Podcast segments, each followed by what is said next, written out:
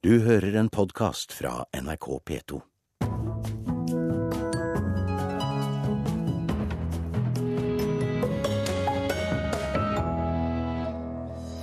Bøker om terrorangrepet 22.07 har hjulpet mange, men selger ikke bra.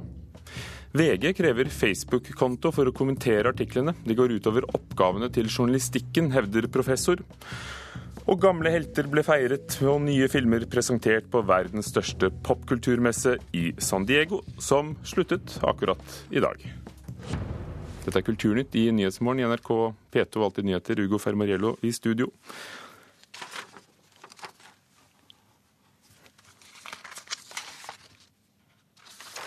I dag er det altså 22. juli. Det er to år siden terrorangrepene.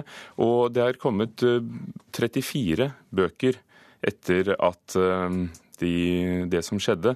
For mange berørte var det godt å skrive bok etter terrorangrepet. Eh, og Siri Marie Seim Sønstelis bok 'Jeg lever, pappa' solgte godt, men mange av bøkene om temaet har beskjedne salgstall. Vi tok en del bilder ved Utøya ved MS Torbjørn der, og så falt vi ned på den forsiden av det bildet fordi 'Jeg lever, pappa' er min fortelling og hvordan jeg ser fremover, da. Hun sitter med sin personlige beretning i handa.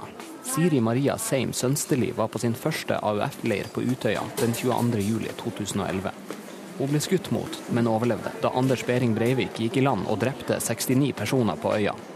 Et halvt år etter terrorangrepet ga hun ut boka 'Jeg lever, pappa', og i dag er hun glad for det. Akkurat nå så er jeg veldig glad for at jeg ga ut bok. Ikke den prosessen å gi ut bok, men hva jeg sitter igjen med personlig. Og hvilken styrke det har på en måte gitt meg i min bearbeidelsesprosess. Eh, så jeg tror det har vært veldig viktig for meg å kunne på en måte sette ord på mine tanker og mine følelser. Da. At det har gjort min opplevelse av 22. juli til en naturlig del av meg. Selv om man ennå sliter litt, så har man i hvert fall, føler jeg, kommet et godt stykke på vei. Sønsteli var en av de første til å gi ut sin beretning fra Utøya i bokform, og forklare at det var en tøff skriveprosess. Eh, for meg var det nok veldig krevende. Det kom såpass kort tid etterpå hvor alt var veldig ferskt. Det var ganske tungt. Konsentrasjonen min var ikke helt til stede. Det var vanskelig å beskrive ting, men jeg fikk god hjelp. Men det var nok veldig krevende å skulle tømme seg. Og liksom skulle tørre å fortelle alt du satt inne på. Overlege Trude Fiksdal på Oslo universitetssykehus er spesialist i barne- og ungdomspsykiatri. Hun forteller at det kan være lurt å skrive om traumatiske hendelser. Det er jo ofte sånn at følelsene kan være veldig overveldende, og, og ved å bruke intellektet, det, det, verbale, så får man sortert det bedre. Man får også gjennomgått hendelsene. Man kan, man kan se på det som en form for eksponering, altså det å, å, å gjenoppleve det og, og, og få, få, kontroll på det som har skjedd. Det er for mange en, en god metode. Boka 'Jeg lever, pappa' kom i et opplag på 28 000 bøker og har solgt godt, men bortsett fra et par unntak har brorparten av bøkene som har kommet i forbindelse med terrorangrepene hatt et betydelig mindre opplag og dårligere salg. Hos Ark i Oslo sentrum stemmer det med bokhandler Thomas Berg-Hansens erfaring. Vi føler vel nå i det siste at salget har dabba litt av. Da. Det har blitt litt mindre. Interessen var mye større kort tid etter, selvfølgelig. Så i det siste har det ikke vært så veldig mye spørsmål. En opptelling NRK har gjort i samarbeid med Deichmanske bibliotek i Oslo, viser at det siden 2011 har kommet 34 bøker med terrorangrepene som hovedtema. Og da er ikke rapporter og andre dokumenter tatt med. Bokhandler Berg-Hansen tror at folk har fått nok gjennom andre kanaler. Det har kommet et metningspunkt, liksom. Så det er jo det samme at man ikke hører så mye om Breivik i media heller, liksom. Jeg tror det. At det bare blir litt for mye. Det metter markedet litt for mye. Og ikke alle kanskje har vært hva si, av samme kvalitet. Okay. Her finner du bøkene som omhandler kjønnelig. Hos bokhandleren Nordli Libris har også salget vært begrensa, men Borghild Nelson kan vise frem noen av de bøkene som har vært populære. Borchgrevinks bok 'En norsk tragedie' har solgt veldig godt, så den har jo også nå kommet i en hefta-utgave som jeg tror det er mange som vil ha med seg på sommerferie. Vi har solgt veldig mye av Geir Lippestad sin bok, så har gått faktisk en del av rapporten fra 22. juli-kommisjonen. Også Siri Marie Sønsteli har fått gode tilbakemeldinger fra leserne på sin bok om 22. juli. Jeg syns det er bra og viktig at jeg har skrevet den som en av de mange 22. juli-bøkene. Så det hjelper å dele, da. Enten du skriver en bok, en dagbok, forteller det til en venn eller til deg selv. Siri Marie Seim Sønsteli til reporter Martin Hotvedt. Agnes Moxnes, kulturkommentator i NRK. Hvorfor har det kommet såpass mange bøker om 22. juli? Det sier seg vel nesten selv at det er et voldsomt stort behov for å vite om hva som eh, skjedde, som ligger til grunn for det. Jeg tror man kan dele inn de bøkene som er kommet i løpet av disse to årene, inn i fire kategorier. Altså først og fremst bøkene som kom da fra de Eh, de som overlevde, altså øyevitneskildringer som den fra Siri Marie Seim Sønsteli som vi hørte om her. Men også da bøker av Adrian Prakon og Parablin Kaur. Og dessuten så har jo også da Hans Olav Lahlum skrevet om en bok om Håvard Vederud, som jo da ikke overlevde 22. juli. Så har du bøker som beskriver hendelsen, og den som går mest nitidig til, til verks, er jo da Kjetil Stormark, som vel var en av de aller første bøkene som kom, som behandler minutt for minutt det som skjedde 22.07. Da terroren rammet Norge etter den boken, og kommer til å være et betydelig verk også fremover.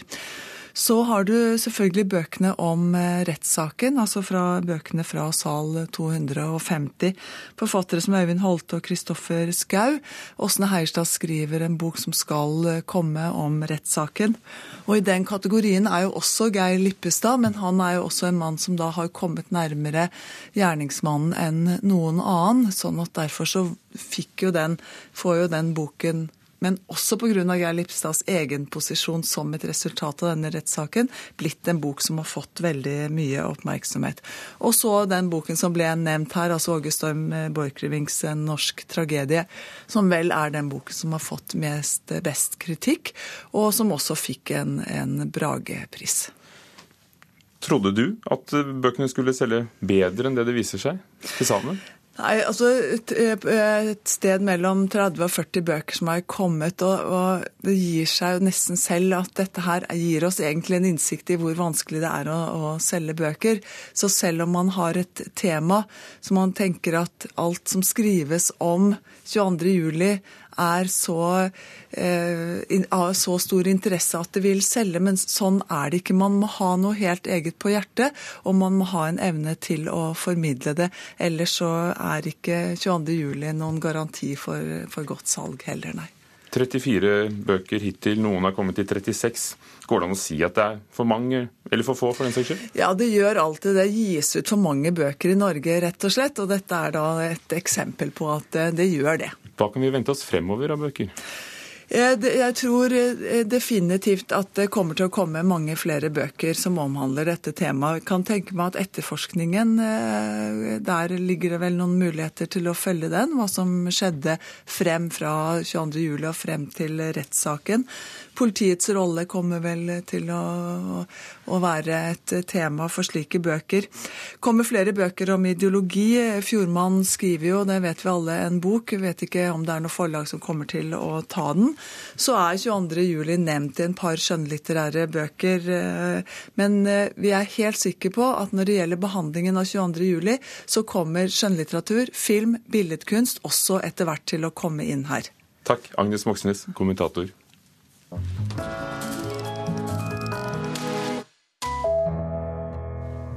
De som vil kommentere artikler eller debatter på VGs sider, altså nettsider, må ha en Facebook-konto. Dette går utover journalistikkens oppgaver, mener en professor. 85 år gamle Colette Blom har nok med å holde styr på Facebook-kontoen sin, og har vanskeligheter med å ta del i debatten på VGs nettsider. Nå vil jeg se om det er noe spennende som eh, VG skriver om i dag. Colette Blom er på vei over stovegulvet til PC-en sin for å lese dagens nettaviser. Hvor er det skal vi si, Dagbladet? Klassekampen. Nå skal jeg prøve på, komme inn på VG. Uh, eh, her er jeg det. 85-åringen har også egen Facebook-konto, men har der nok med å holde styr på beskjeder fra familie og venner. På nettsida til avisa VG må Blom nytte Facebook-kontoen sin for å kommentere på debattinnlegg og artikler. Sjøl om Blom er tilhenger av Facebook, synes hun ikke at det bør være et kriterium for å ta del i debattene på nettsidene til avisa. Det syns jeg ikke er så klok av VG å, å forlange dette her. At man skal være på Facebook. Hvorfor det? Du blir dirigert. Du blir, du, det, er ikke det er ikke noe frihet, dette her. For siden Blom ikke har så store kunnskaper om Facebook, er det andre alternativ som er lettere. For meg så det vil være mye lettere å ta en telefon og kontakte avisen f.eks., eller sende en kommentar skriftlig. Det vet jeg flere som meg som får det til med Facebook, og så plutselig så er det så, noe som skjer som du gjør du ikke skal gjøre, så må du begynne f.eks. herfra igjen. Og da, jeg, da mister du mye tid på det. Martin Engebretsen er professor i nordisk språkvitenskap ved Universitetet i Agder, og har doktorgrad i nettjournalistikk. At en vil ta en Facebook-konto for å ta del i debattene på nettsidene til VG, mener Engebretsen går utover oppgavene til journalistikken. Hvis man gjør seg avhengig av innlogging på Facebook eh, i en sånn sammenheng, så er det opplagt at eh, en del mennesker er ikke på Facebook. Det kan ha enten praktiske årsaker eller prinsipielle årsaker for den saks skyld. Og dermed vil man uvegerlig innskrenke den bredden noe. Og det går jo utover noe av journalistikkens oppgave, da, vil jeg si. På hva måte da? Ja, Rett og slett eh, ved at, du, ved at du avgrenser deltakelsen noe. De menneskene som da ikke kan eller ikke vil være på Facebook og ha en konto på Facebook og, og gå via den, de vil jo da ikke kunne delta i den debatten. Øyvind Solstad er sjef for leserinvolvering og sosiale medier i VG. Jeg skal bare ut her, altså til høyre inn i redaksjonen. Solstad er klar på hva som er årsaka til at avisa nytter Facebook som verktøy for å ta del i debatten på nettsida. Vi må ha en eller annen form for eh, verifisering av hvem, hvem folk er når de kommenterer. Og da er Facebook det som er enklest for brukerne og for oss. Solstad mener at uansett hva kommentarsystem avisa nytter, så er det alltid noen som vil falle utenfor. Uansett hvilket kommentarfeltsystem man bruker på en nettavis, så vil, så vil det være noen mennesker som ikke kan bruke det. Eh, bare det at vi er på en nettavis gjør at det er noen mennesker som ikke kan bruke det. Her i Norge er de aller fleste mennesker på nett, men hvis du tar Europa som sådan, så er det 12% av alle i Europa har ennå ikke vært på internett i det hele tatt. Så hvis man snakker om ytringsfrihet og hva som er smart og ikke smart, så er det at det er på nett seg sjøl en begrensning av det. da. Sa Øyvind Solstad, sjef for sosiale medier i VG. Reporter var Camilla Yndestad. Kvart over åtte Nyhetsmorgen i NRK, overskriften i dag. PST frykter angrep mot politikere i valgkampen. Det er flere trusler mot politikere etter 22.07.2011. I Dubai skal Marte Dalel møte statsadvokaten om få timer. Dubai har fått internasjonal kritikk for dommen mot henne. Norges ambassadør vil være med på møtet. Og en barebrystet feminist forårsaker frimerkeopprør i Frankrike. Det hører vi om senere her i Kulturnytt. Verdens største popkulturmesse, Comic-Con, er nettopp avsluttet eh, på den fjerde og siste dagen i San Diego i California, USA. 130 000 mennesker, og 50 000 av dem i forskjellige kostymer, var der for å titte på nye filmer, TV-serier, spill og tegneserier, og snakke med heltene sine. En som også var der, var vår reporter Mona B. Riise. Eh, fra tidlig til sent hver kveld. Det har virkelig vært et år for gamle helter, dette. Ja, altså de gamle heltene er også heltene som gjelder å feires nå. Her ble det feiret 75-årsjubileum eh, for den første Supermann, med bl.a. lanseringen av eh, neste Supermann-filmen. 50-årsjubileum for Doctor Who. Du skulle sett alle fansene som var kledd ut som telefonkiosker i dag. var veldig morsom. Hadde ligget i kø hele natten for å komme inn på panelet. Som tidsmaskinen tar de i stad, disse telefonkioskene. Det var 50-årsjubileum for eh, Marvel Entertainments X-Men og Iron Man Man og Avengers, 30-årsjubileum for Star Wars, 20-årsjubileum for Star Trek og 20-årsjubileum for X-Files, som hadde stor reunion. Og I tillegg da så var det zombieserien The Walking Dead, som jo har blitt en av de aller største TV-seriene i USA. Enorme på Comic-Con. Jeg har aldri sett så mye blodige mennesker. De hadde også ekstra feiring i år som tiårsjubileet altså for Walking Dead som tegneserie. Skjedde det noe ekstra rundt eh, disse jubilantene? Ja, altså Det var fester eh, og opplevelsessenter, og ikke minst så hadde de fått samlet alle stjernene fra seriene og filmene og avslørte planene for, de, eh, for, det kommende året. I går så kom nyhetene om at Batman skal være med i den neste Supermann-filmen. Eh, og jeg tror det er sånn at etter The Avengers at mange gjerne lager filmer med enda flere helter sammen, for muligens å nå enda bredere ut og til flere fans. Og så kom alle skuespillerne til den nye X-Men, Days of the Future, som overraskning. Eh, vi kan jo kanskje høre noen av de, eh, hvordan de blir mottatt i Hall Age. Altså Der er det plass til 6500. Og det var Jennifer Lawrence og Ellen Page og Halle Berry og Michael Fassbender. Altså det var, det var ingen ende. Men, eh, men, vi kan jo høre Hugh Jackman og Ian McKellen. We can't really believe our luck, can we? That, that we're still allowed out, and and um, and uh, the, these stories are so. Um, so need to be told. That's what I like about the, the X Men. This is these aren't casual movies. The, the, these aren't um, summer vacation movies. They're, they're, they're classics. Dette var eh, sir Ian McKellen altså, som spilte Gandalf, eh, og har fortalt at han mener X-Men er klassiske historier som må fortelles igjen og igjen. Eh, det var en av de gamle heltene. Hvilke nye trender fikk du øye på under årets Comic-Con? Nei, Det ser ut som det er et trend at filmer og TV-serier nå skal ha røtter i eller bruke historisk fakta og vitenskap, i tillegg til fantasi og fiction. Altså, kanskje begynner folk å bli litt lei ren fantasi, kanskje finner ikke serieskaperne noe spennende lenger, eller seerne ser ut til at de kanskje vil ha mer kunnskap på veien. Uh, Europa Report er en liten science fiction-film, veldig lite budsjett, som fikk lov å være med i den største hallen og fikk veldig mye oppmerksomhet. Den kan man altså laste ned på iTunes nå. Den ser utrolig spennende ut. Uh, det var en astrofysiker som holdt panelet. Den er laget i tett samarbeid med vitenskapsmenn om da denne isbelagte månen Europa, som da har eh, en enorm mengde vann, mye mer eh, enn våre hav til sammen, og den skal da visstnok være veldig vitenskapelig korrekt. Og så er det TV, en ny TV-serie fra Seth MacFarlane, eh, mannen bak Family Guy, så, eh, og som også var Oscar-vert i år. Han har laget eh, TV-serien Kosmos om universet og vitenskap og sånn, så den er på vei.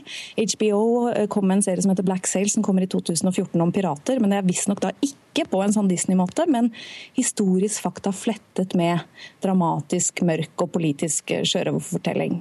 Og så er det jo da en av de nye TV-seriene som virkelig har fått mye oppmerksomhet. Det er altså Vikings, serien som vi jo har Torbjørn Harry som jarl Borg av Jøtaland. Og vi kan jo kanskje høre litt fra eh, eh, Vikings-panelet, hvor produsenten på History Channel selv er litt overrasket over den enorme suksessen. It's not just here at Comic Con, it's like on Facebook and Instagram and Twitter, and they're engaging with the real history and they're discussing it and they're debating it. And, uh, and there's fan art, and we have uh, very active. There's a, um, somebody on Facebook who goes by Viking Drummer. Is, uh, is, oh, there she is. Oh, yeah. Han skulle visst han at her i Kulturnytt hadde vi en arkeolog som, eh, som, var veldig kritisk til de historiske fremstillingene i, i Vikings da den første gang ble sett på betalt-TV også her i Norge. Men altså, norske Torbjørn Harr er med i Vikings. Var det noen andre nordmenn som ble hyllet på årets Comic-Con? For det vil vi jo gjerne vite om. Ja, jeg så i hvert fall én mann som var utkledd som Kristoffer Hivju, eller Tormund Giansbane som han spiller i, Game of Thrones, med stort rødt skjegg og enorm skinnfelle rundt skuldrene. Altså, Game of Thrones var nok en av de aller mest populære i år. Men Harald Svart han var på Comic-Con i egen person i Hall Age, den aller største hallen, med hans nye film 'Mortal Instruments', som jo er bygget på en veldig populær fantasy-serie for ungdom. Og Det er jo veldig viktig for han å gjøre det bra her på Comic-Con, og det var mange forventningsfulle fans klare til å kaste seg over filmene, og de sier fra hvis de ikke er fornøyde, og ikke minst hvis de er veldig forskjellige fra bøkene. Men eh, der avslørte han og, og Cassandra, som, som, da er forfatteren, at de har jobbet veldig tett, så vi krysser fingrene for at det går bra. og Jeg tror han syntes det var gøy å være der, for han filma hele tiden mens han var på panelet. Når får, se, når får vi se Harald Svarts eh, nyeste film, tror du? Du, Det er bare et par uker til den kommer her, i hvert fall. Eh, jeg er litt usikker på når den kommer til Norge. Har ikke full oversikt, men, men eh, jeg tror det er rett og slett bare et par uker til den har premiere i USA. Enda flere nordmenn? Ehm, ikke som jeg vet om, det kan, det kan, hende det har vært noen, sånn er det alltid. Men, men, det er de som eh, jeg vet om eh, i år. Jeg regner med at neste år så må jo både Torbjørn Harr og Kristoffer Hyvje i hvert fall være på plass, det er helt sikkert. Men så var jo du der da, reporter Mona B. Riise i San Diego. Vi fortsetter i USA. Da den amerikanske forfatteren Joyce Carol Oates lanserte sin fjerde såkalt gotiske roman i våres, klarte vår kritiker Leif Ekle ikke å dy seg. Han kastet seg over de 650 sidene i The Accursed og fullførte med et gys. Joyce Carol Oates' litterære produksjon er så formidabel at det kan være vanskelig å holde telling. Blant godt over 100 bøker hun enten har skrevet eller redigert siden debuten i 1963, er det noveller, poesi, sagprosa, annet om boksing og mer enn 50 romaner. Blant dem igjen har det til nå eksistert tre gotiske romaner, alle utgitt på 80-tallet. Nå er de blitt fire, etter at The Accursed kom ut. Boken er ikke kommet på norsk ennå, men De forbannede eller De fordømte er vel sannsynlige titler. Den gotiske tradisjonen i litteraturen er ikke uten videre lett å definere presist, men svært forenklet dreier det seg om litteratur der både skrekkelementet og overnaturlige fenomener spiller sentrale roller. Et tidlig og typisk eksempel er Mary Shelleys Frankenstein fra 1818. Den kan leses som sidespor i den engelske romantiske retningen. Og i dette landskapet befinner Joyce Carol Oates seg når det passer henne. I den grad at hun iblant kalles dronningen av ny gotisk litteratur. Det ville ikke vært Joyce Carol Oates om ikke boken hadde sitt utgangspunkt i det virkelige amerikanske samfunnet. Handlingen i The Accursed er lagt til årene 1905 og 1906, til universitetsbyen Princeton i New Jersey, der Oates for øvrig har undervist selv siden 1978, leser jeg på nettet. Princeton er en pen liten by med rom for en mengde pene mennesker og familier som lever sine uklanderlige og presbyteriansk-kristelige liv, og behandler sitt svarte tjenerskap slik det sømmer seg. Dette er selvsagt det overflaten viser. Det hele starter idet en ung mann beklager seg overfor universitetets leder, Woodrow Wilson. Ja da, identisk med den senere USA-presidenten, og krever at Wilson og den lokale prest Winslow Slade skal ta offentlig avstand fra Ku Klux Klans lynsjing av to svarte mennesker i nærheten. Det skjer ikke, slike ting er unevnelige. En kjede av uhyggelige og uforklarlige hendelser utvikler seg, og en foreløpig topp nås idet den unge og vakre Annabel Slade bortføres fra sin egen vielse, av djevelen selv. Det er mye å sette pris på i denne boken.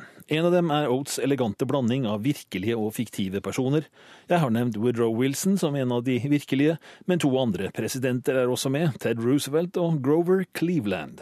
Den radikale forfatteren Upton Sinclair har leid en hytte i byens utkant og har sine oppgaver i teksten. Jack London dukker opp. Et smart og elegant gjennomført fortellergrep kombinert med et språk som tilpasser seg innholdet på beundringsverdig vis, er andre årsaker til at boken er svært vellykket. Det slår meg mer enn én gang underveis at jeg nesten kan høre Mary Shelley gjennom Oates tekst. Viktigst er selvsagt at historien og leserens behov for en oppklaring holder hele veien. Det gjør de, selv om 650 sider gir rom for noen transportetapper. Leif Ekle hadde lest Joyce Carol Oates. I Kulturnytt i dag har vi kommentert bøkene som er kommet etter terrorangrepene for to år siden og hørt både professor og leser kritisere VG for å kreve Facebook-konto for å kommentere på nettet. Teknisk ansvarlig Beate Haugtrø, produsent Ina Strøm og programleder Ugo Fermariello. Du hører på Nyhetsmorgen i NRK P2 Alltid nyheter. Før nyhetene noen ord om senere i dag. Du har hørt en podkast fra NRK P2.